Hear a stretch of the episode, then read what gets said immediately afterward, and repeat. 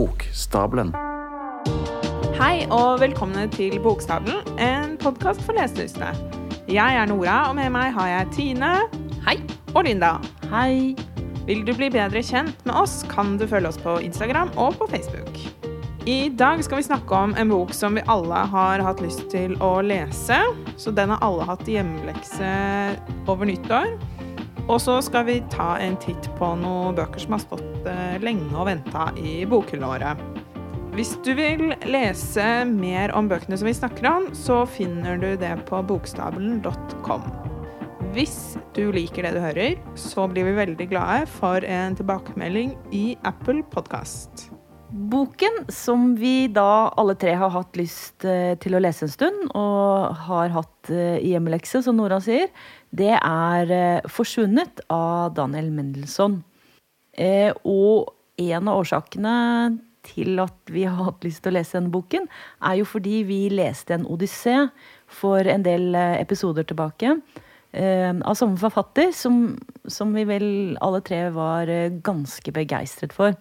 Så nå gikk vi et uh, hakk tilbake og uh, tok for oss da 'Forsvunnet', som er debutboken til uh, Mendelssohn. Tine, jeg har litt lyst til at du skal fortelle litt om hva 'Forsvunnet' handler om. Hva slags bok det er. Ja, det er et ganske godt spørsmål. For det er jo kanskje en bok som tar for seg mange temaer i løpet av sine 650 sider. Eh, men det er da i utgangspunktet delvis selvbiografisk. Det er jo da forfatteren som eh, er jødisk og har blitt eh, opp gjennom oppveksten nysgjerrig på en del, en gren av familien som da ble drept av nazistene under holocaust. Det er da det tittelen 'Forsvunnet' henviser til. Og grunnen til det er at det var stort sett det man visste. At de ble drept av nazistene og var ferdig med det.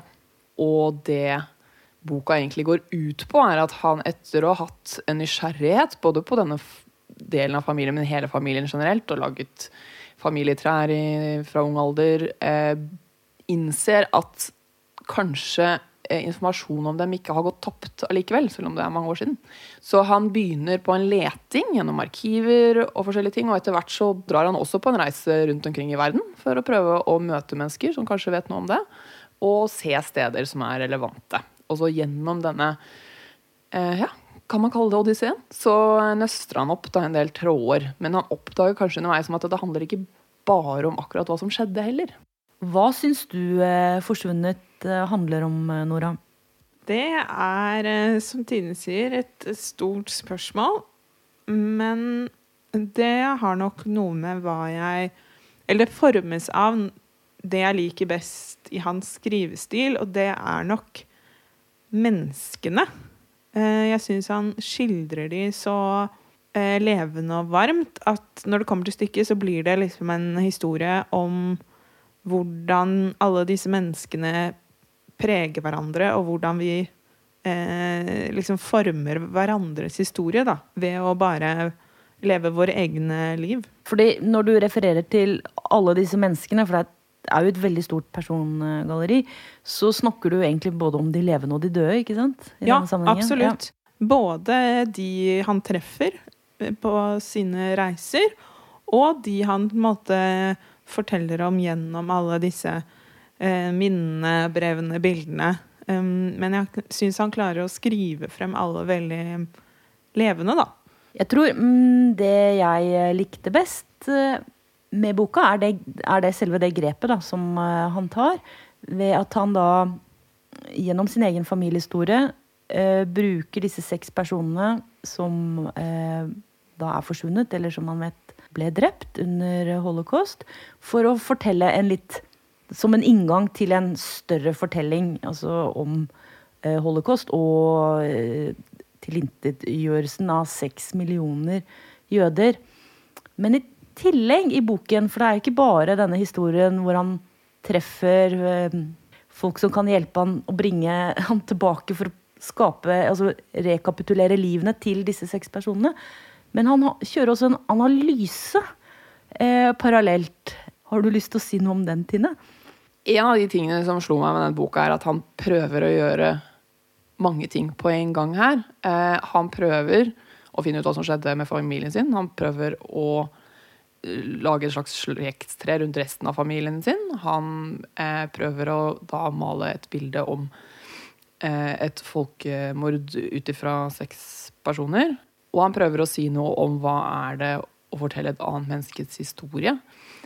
Siden han er jo tross alt filolog, så har han også tatt et grep hvor han har eh, tekstanalyser av jødiske religiøse tekster eh, med jevne mellomrom utover i boka, som står i kursiv. Så det gjenspeiler delvis eh, hans erfaringer med eh, å prøve å finne en sannhet, og hvor han kanskje har en del åpenbaringer underveis om hva er det egentlig han leter etter. For han oppdager jo også ting underveis som gjør at han endrer syn på både menneskene det er snakk om, og hva som kan ha skjedd dem imellom. Ja, fordi det er jo ganske tidlig i eh, boken, også den fortellende delen da, i boken, hvor han er litt usikker på hvorvidt eh, disse slektningene fordi han refererer til noe brev som han har fått, som eh, disse slektningene som da bodde i det vi har bestemt heter Bolekov i eh, Ukraina. I dagens Ukraina. I dagens Ukraina. Den gangens Polen. Den gangens Polen. Eh, når nettet begynner å snøre seg til, og de i 39 og de gjerne vil prøve å komme ut, så har han eh, fått eh, tak i de brevene de sendte til sine slektninger i USA, hvor de ba om hjelp. Og så, fordi at motpartens eh, brev ikke finnes lenger, og selvfølgelig også noe av ordlyden i disse brevene, gjør at det plantes en tvil i han om eh, de virkelig prøvde å hjelpe å komme han i møte. Da, og hjelpe han med å sende penger og få han eh, og familien ut av Ukraina. Og der bruker han jo da eh, Kain og Abel som brodermordet som forelegg. Hva syns du, Nora? Tilfører denne analysen eller denne parallellen noe til, til fremstillingen? Mm, Det jeg syns var veldig bra med den analysen, var at den var helt utskilt. Den står i kursiv, så det gjorde det veldig enkelt å hoppe over de delene.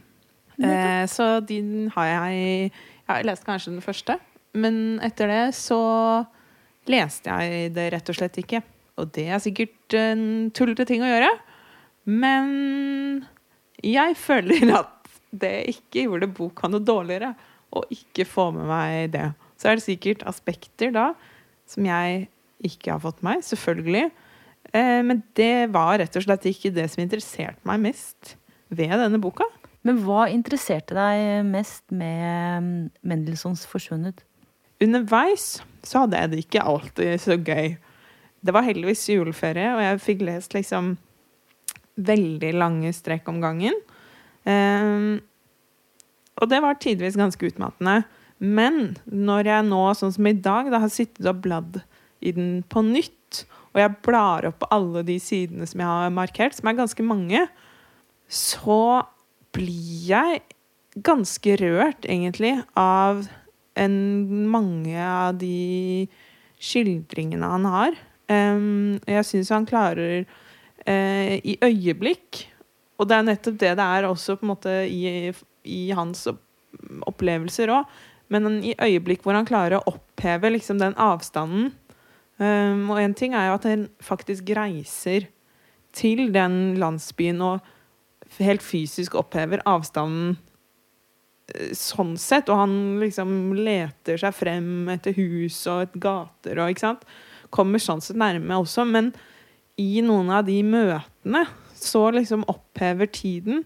Og jeg syns også i noen av skildringene han gjør av skjebnene da, til disse eh, menneskene som han kun egentlig har omriss av, så klarer han også å, å skrive det veldig levende, da. Så det er nok det jeg liker aller, eh, aller best. Jeg er helt enig med deg i det. Eh, Og en av de tingene jeg tror jeg kommer til å ta med meg når jeg tenker på den boka, er som du sier, de skildringene der, de møtene mellom mennesker og det, hvordan det påvirker hverandre. Eh, Men så er det også noen sånn fantastiske anekdoter om hvordan tilfeldigheter og hvordan han finner ut ting helt ved rene tilfeldigheter, som er ganske fantastiske. Ja, de er jo litt sånn for gode til å være sanne, Ja. men så er de det allikevel, da. Særlig mot slutten der er det jo eh, Ja, noen eh, episoder. Bare for å ta en liten sånn digresjon til dette her med at han reiser jo dit og fysisk er på stedet de bodde, så eh, vil jeg påpeke at okay, han drar dit i to omganger. Men han er der én eller to dager hver gang. Og han oppdager jo signifikante ting begge disse to gangene. Som har med familiehistorikken å gjøre. Det som jeg ikke helt skjønner, er hvorfor dro han ikke dit og bodde der i en måned? Og ble kjent med både stedet og menneskene som Det viser seg at det er en del mennesker som bor der som er gamle nok til å huske dette her. ikke sant? Hvorfor tenker man at én dag på dette stedet er nok til å få følelsen da, som man er ute etter? Men kanskje han bare søker de der øyeblikkene, da. Og så liker han å eh, reflektere over de i ensomhet eh, i etterkant.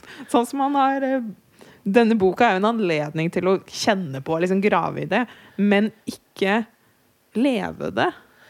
Ja, han, han gjør jo det mye. Han tar øyeblikk, og så vever han noe ut av det. Det gjør han. Det er jo kanskje min um, største innvending med, mot boken. Eh, er jo uh, fortellerstilen um, hans. For jeg er jo enig i at det er rørende scener, og han er flink til å, å male portretter av døde mennesker. Og levende mennesker òg, for den saks skyld. Men han tar seg veldig eh, god tid. Og han tar også veldig stor plass, syns jeg, eh, som forfatter. Og så maler han og pensler ut enhver tanke. ikke sant. Enhver sten skal snus. Alt skal liksom være helt uttømmende hele tiden.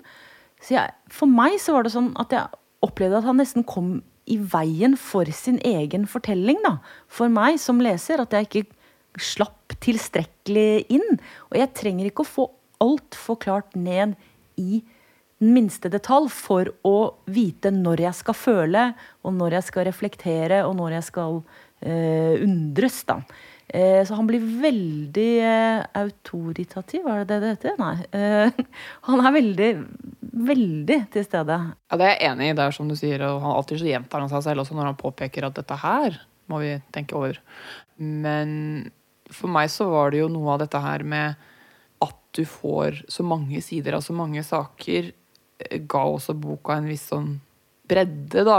I, når du sitter og leser den, så leser du ikke bare én type fortelling hele tiden. Det skiller mellom forskjellige typer fortellinger. da. Også sånn som dette her med de filologiske eh, utbroderingene. De har også noe av det samme elementet, for plutselig så får du et innblikk i en del av en jødisk kultur som jeg i hvert fall ikke har innblikk i fra før. da. Men jeg er også helt enig i at det var litt mye av og til. For meg så er den måten han skriver på, hvor han er assosiativ og, assosiativ, og han går på digresjoner, og han drar seg tilbake i sånne løkker, da, på en måte som han også sier selv at det er noe av poenget for å komme til kjernen. Det minner meg om eh, en odyssé når vi leste den.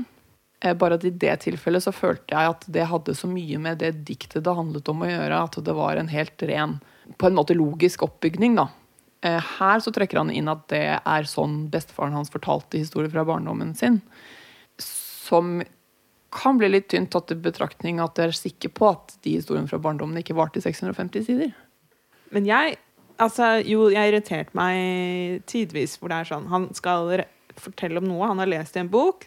Så kommer han liksom bare til å skrive navnet på boka, og så kommer det en side med en parentes om at han fikk den i en julegave, og, du, du, du, og det er liksom en hel eh, side om hvordan de på en måte har sin juletradisjon. Og det irriterte meg der og da. Men til gjengjeld så finner jeg også setninger som er en, over én side lange, som du kunne sagt med jeg vet ikke, 20 ord. Men i bare den setningen alene syns jeg er kjempegøy. Og den er jo bare full av sånne det han sier, egentlig er 'de er døde'. Klarer du å finne igjen eh, setningen? Ja, jeg har merka den. Men den er for lang til å lese om. jeg er enig. Jeg liker at han broderer såpass mye som han gjør. Eh, men jeg tror det er hovedsakelig to grunner. Én eh, at jeg har lest en odyssé før og på en måte vent meg til den skrivestilen. Og liksom se hvor godt han gjør det. da. Og nummer to at jeg også leste den i romjula og hadde god tid og var avslappet og på en måte kunne flyte i det. da. Ja, og det er litt eh, overraskende egentlig for meg, fordi jeg likte Jeg var jo kanskje den av oss tre som var aller mest begeistret for en odyssé. Så jeg prøver liksom å forstå hvorfor jeg likte den så mye bedre enn den boken her. Og det kan jo selvfølgelig Det har alltid med veldig mange ting å gjøre. Eh, men det kan også være fordi jeg eh, kunne mye mindre om Odysseen. Og det kan også være at jeg syns kanskje jeg var mer med på premissene der. Altså, han tar for seg et stort heltedikt i eh, europeisk kulturhistorie, eller i verdenshistorien. Og det syns jeg en filolog eh, absolutt er kanskje best eh, Er den personen som er best egnet til å gjøre. Eh, og så tenker jeg at jeg elsker jo tjukke historiebøker. Har jo pløyd gjennom både Medici og Hvitekrist, leste jeg her før jul, og bare elsker det og vil bare ha mer. Så kan det være jeg tenker, Er det noe der, da? At jeg er litt sånn tradisjonell i oppfatningen? At jeg liker historikere forteller eh, eh, meg om historie, og så kan filologer holde på med, med litteratur. Eh, jeg vet ikke, men jeg vet bare at jeg likte, i hvert fall for meg, så, så var nok Odysseen en mye større leseopplevelse enn det her. Jeg ble veldig utmattet og ja, mistet litt sånn Jeg er helt enig at det var høydepunkter. Og absolutt, hele prosjektet jo, har jo veldig sympati for det. Eh, men han kjeder meg. Han trekker det Hans stemme liksom krever min oppmerksomhet altfor lenge. Jeg tror nok det er en bok som man kanskje ikke bør lese, i hvert fall sånn stykkevis, for det er så mange tråder å holde tak i til enhver tid, da. Var det liksom en sånn spark eh, i siden til meg fordi jeg hoppet over de 200 sidene i midten, eller? Mer sånn et råd til lytterne våre, men eh, Det krever, eh, det krever liksom optimale forhold, da, eh, Nora. Helst en, en juleferie, lang juleferie, eller eh, Ja, altså skulle jeg lest den på senga, så hadde det ikke gått. For da har jeg ikke tålmodighet. Eh, for da tar det for mye av den andre lesetiden. Men når du har liksom fem dager i strekk hvor det eneste du skal gjøre, er å lese, så er selvfølgelig prioriteringen en helt annen, da. Men en ting som jeg tenkte på nå, da, når jeg har forlenget lånet mitt på biblioteket av denne boka og skulle bla gjennom og lese den på nytt, så har jeg funnet et problem med biblioteksbøker. Og det er jo at de må leveres tilbake. Eh, For jeg kjente at jeg hadde veldig lyst til å ha den i hylla. Og liksom vite at den står der. Der kan jeg bare gå, jeg kan finne de små eselørene mine og slå opp igjen. Og lese den der kjempelange setningen, og så sette den tilbake. Og så bare vite at den er der som liksom et arkiv. Mens nå, hvordan skal jeg huske hvor godt jeg likte den?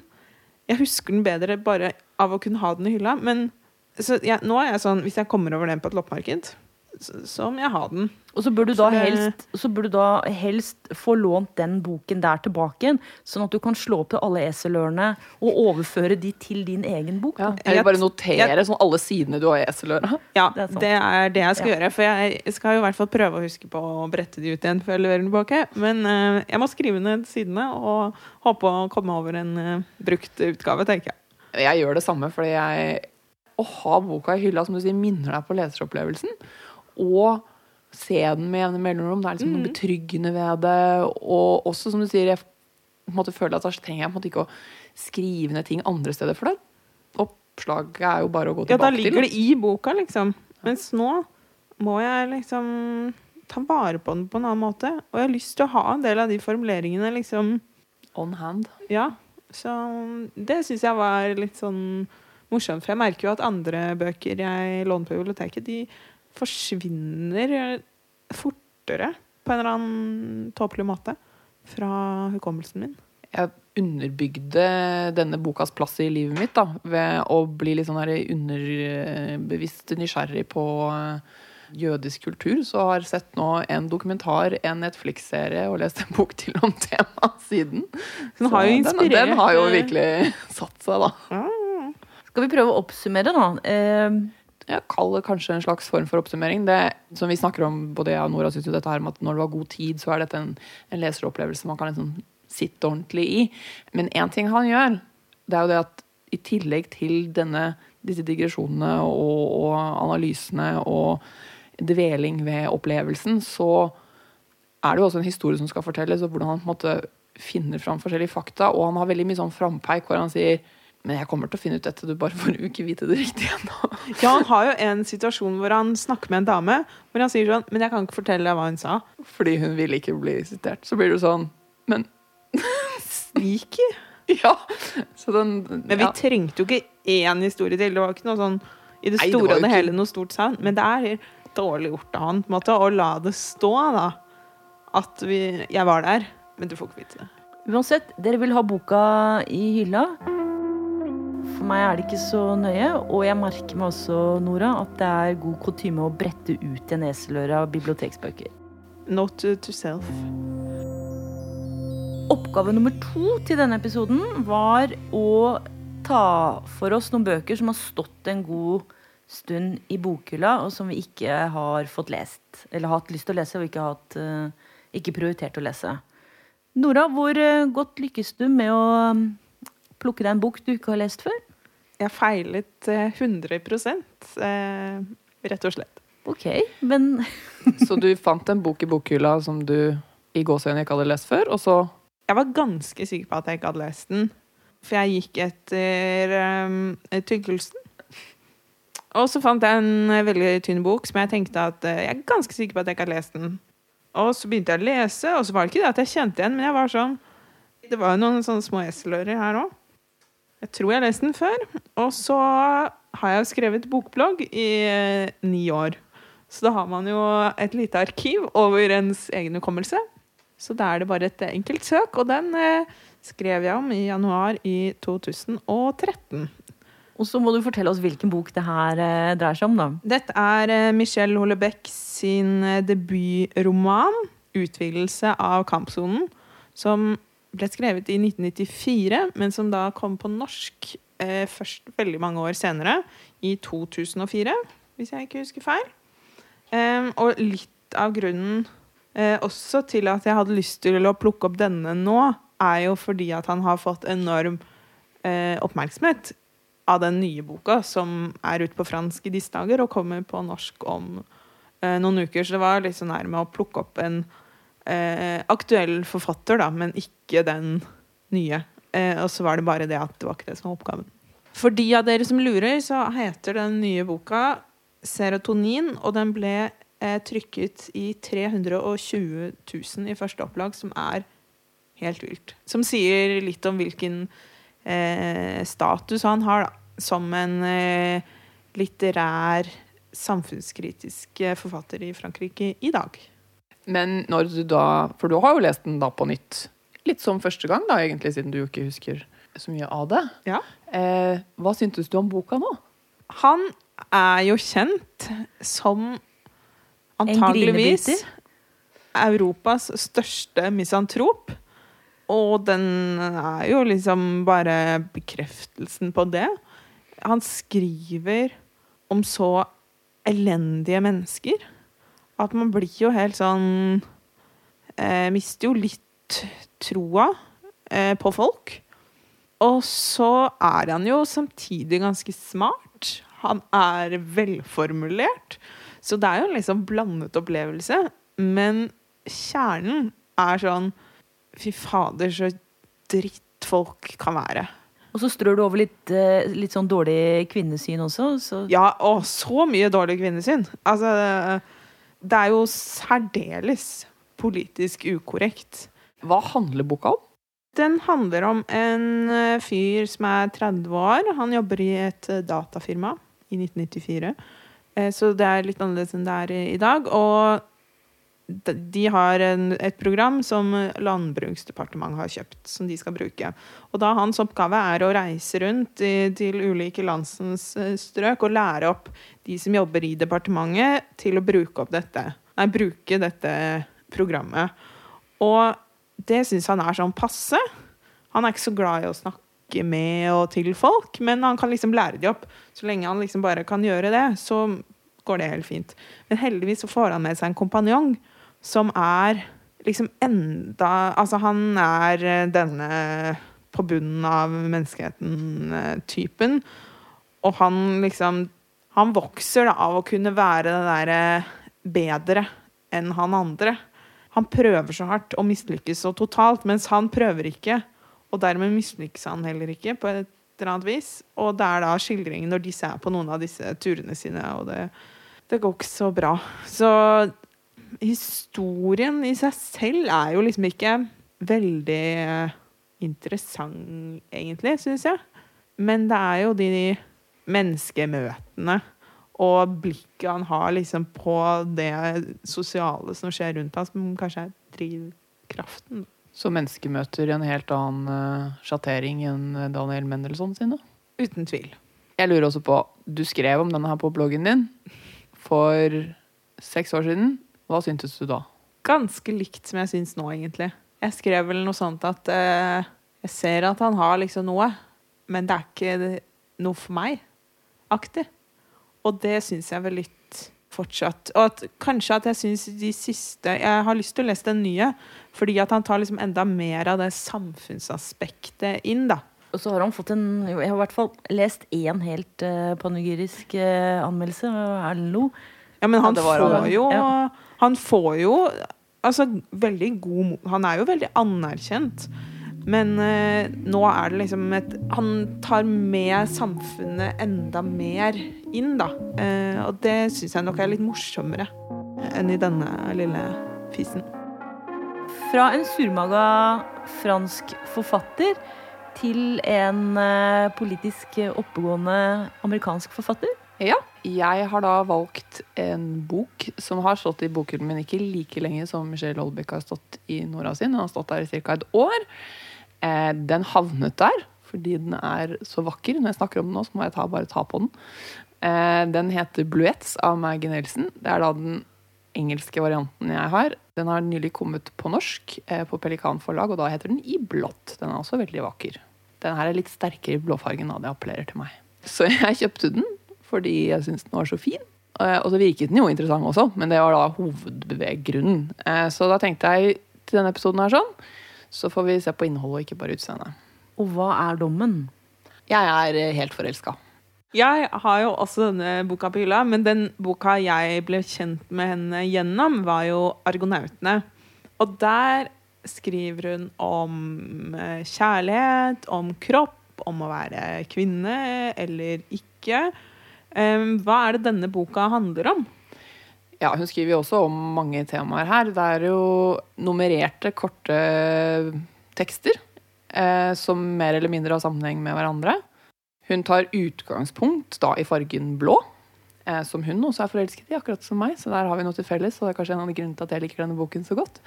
Eh, og snakker om assosiasjoner rundt dette, da. Hun trekker inn filosofer som har snakket om farge, hun trekker inn kunstnere som har gjort det. Hun trekker det også helt ned på det personlige plan i forhold til kjærlighetssorg, i forhold til en venninne hun har som har vært i en alvorlig ulykke. Og hun vever det sammen. altså Alle disse små stykkene er på en måte fullendte i seg selv, eh, men så er det jo da flere av dem som har linker til hverandre. Og jeg fikk jo lyst til å markere, apropos, hver eneste side, så jeg fant ut at det var bare ikke noe vits i å markere noen ting, eller skrive av sitater, for jeg hadde lyst til å skrive av nesten alt sammen også. Hun, gjennom disse liksom fragmentene da, så får hun i hvert fall meg til å tenke over kunst og filosofi og livet og de små tingene i livet, og eh, få meg til å se ting jeg kanskje hadde meninger om på en ny måte. Den åpner dører for deg. Lukker det ikke. Hun forteller deg ikke hva du skal tenke og føle. Absolutt ikke. Hun tenker jo egentlig bare hva hun selv tenker og føler. Jeg syns eh, noen ganger det kan være litt vanskelig å lese sånne bøker som er veldig eh, på en måte esaistiske, men veldig korte tekster. Hvordan syns du på en måte den fungerer som helhet? Ja, jeg leste den ikke i ett stykke, det kunne man jo lett gjøre, det er noe sånt som 100 sider, men jeg lagde meg egentlig en sånn sånn tilfeldig regel om å lese 50 av disse stykkene av gangen. Og noe av grunnen til det er at det selv om, selv om det er korte tekster, så har de så mye, i hvert fall for meg, da, eh, punch, vi mangla et bedre norsk ord, at når du da stopper og tenker såpass mye, så orker du egentlig ikke å lese boka i ett, i hvert fall ikke jeg. Så du tygger på en måte på det du blir servert, da. Så, men det første jeg tenkte etter å ha lest en omgang av 50, var at denne boka skal jeg umiddelbart lese på nytt. Det er jo et kvalitetstegn. Det er ikke veldig ofte jeg tenker det, for å si det sånn. Men ut fra hva du har fortalt, for du har jo snakket litt om den boka her når vi møttes tidligere òg. Du selger den så godt inn. Jeg har så lyst til å lese den. Hvorfor har du lyst til å lese den, Linda? Det er jo temaene. ikke sant? Snakker, det er livet, det er kunsten, det er kjærligheten, det er fargene. Fremstilt på en liksom filosofisk, litt åpen måte. Da.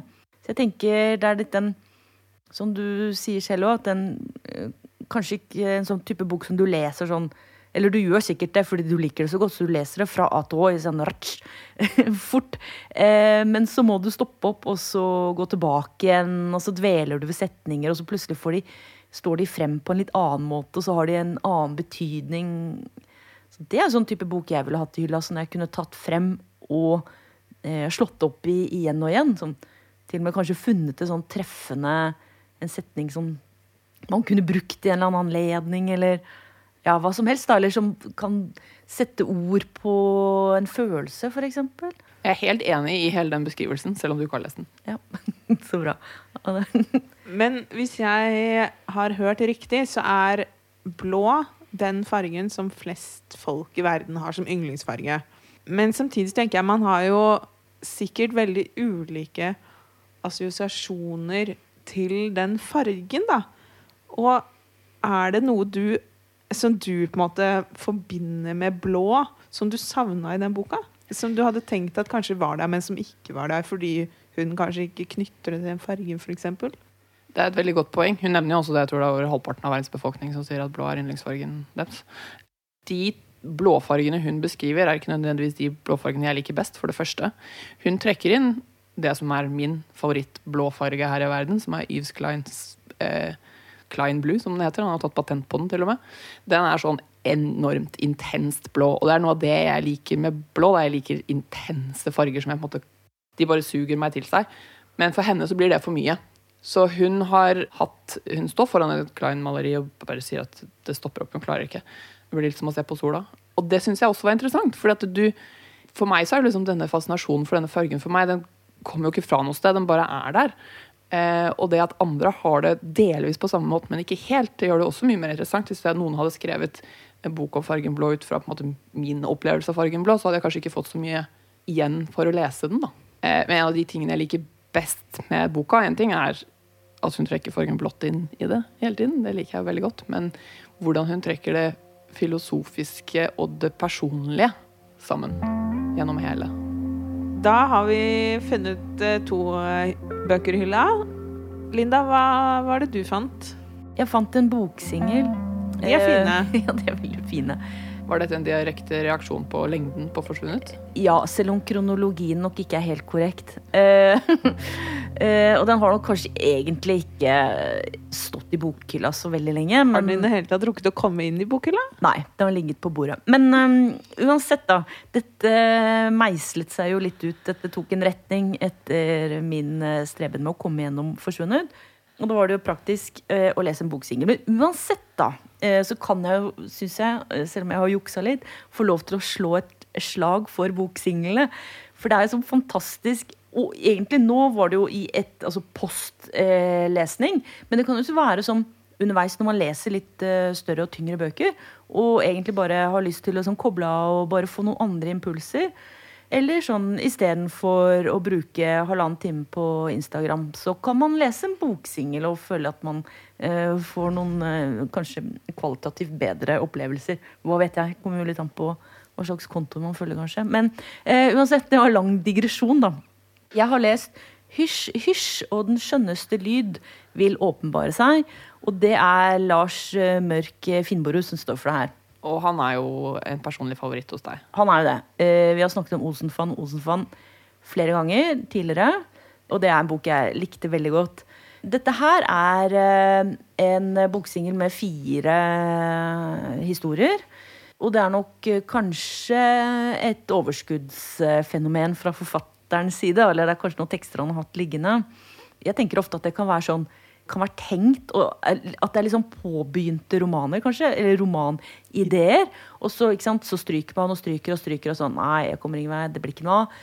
Men det er en liten fortelling der likevel. Beveger de seg i samme landskap som Osenfand Osenfand, eller? Eh, nei, altså, i, I den forstand at det er fantasifullt? Det er fantasifullt, men også litt overraskende. Eh, så er det sånn fundert i eh, virkeligheten. For det dukker opp personer i eh, noen av disse fortellingene som jeg har googlet, og som lever og samler kunst i, opp, ja, i høyeste grad. Da. Han er kanskje ikke så assosiativ som han er fantasirik. Og han er mye kortere, han har jo mye knapper i stilen, men han er veldig snappy, da. Men hvis jeg skulle sagt noe om disse fortellingene i denne boksingelen, hvis jeg, hvis du skulle sett etter en tråd, så er det musikk og, og lyd. Så alle, alle disse um, historiene har da et uh, innslag av uh, musikk eller lyd i liksom forskjellige uh, varianter. Og det som kanskje var det aller, aller morsomste, fordi jeg tipper at Finnborg og jeg er sånn noenlunde jevngamle. Og han går tilbake, han er 15 år, og beskriver da sånn musikk ikke stykke, men eh, hva skal vi si, skive heter vel i vår tid, da. Eh, av en eh, Manuel Gutschings som heter E2 til E4. Og det er rett og slett litt tidlig housemusikk. Eller nei, ikke house, men elektronika da, fra 80-tallet. Har gått meg helt hus forbi. Og, og, da er det jo Det er veldig korte tekster, men når de begynner å få lag, sånne typer lag, at jeg kan sitte og laste ned og høre en eh, time med et musikkverk, liksom, og da blir det jo Ja. Da blir det en mye større opplevelse. Så det satte jeg veldig pris på, da. Så det er det er fantasirikt. Kanskje, altså, eller ikke kanskje, ikke, han drar den jo ikke så langt som i Osenfan. Men den første fortellingen heter 'Hamsteren fra Hammersborg'. Og det, den er også kanskje den som er mest uh, sær, da. Uh, for det handler om en sang som flytter inn i, inn i kjelleren. Selv om du ikke har hatt denne her i bokhylla lenge, så rakk du å låne den til meg i sånn en uke. Uh, så jeg rakk å lese den første som du snakker om. Og jeg syns jo det var veldig noe av den samme stilen da, som Osenfan Osenfan. Så det var veldig god underholdning. Ja. Jeg tenker kanskje at det er et sånt et særtrekk. At man kjenner igjen, kjenner igjen denne forfatterens eh, stil. Da var vi gjennom eh, årets første stabel, og tusen takk for at eh, du hørte på oss. Eh, hvis du ble nysgjerrig på noen av de bøkene vi har snakket om i dag, så går du inn på bokstabelen.com, eh, og da kan du lese mer om dem. Trenger du flere boktips, så er det bare å følge oss på Instagram og Facebook. Bokstabelen lages av Tine Våg Fjelstad. Linda Aarvik og Nora Norskar Hoel. Og den produseres av Einar Stabbenfeldt. Ha det! Ha det! Ha det!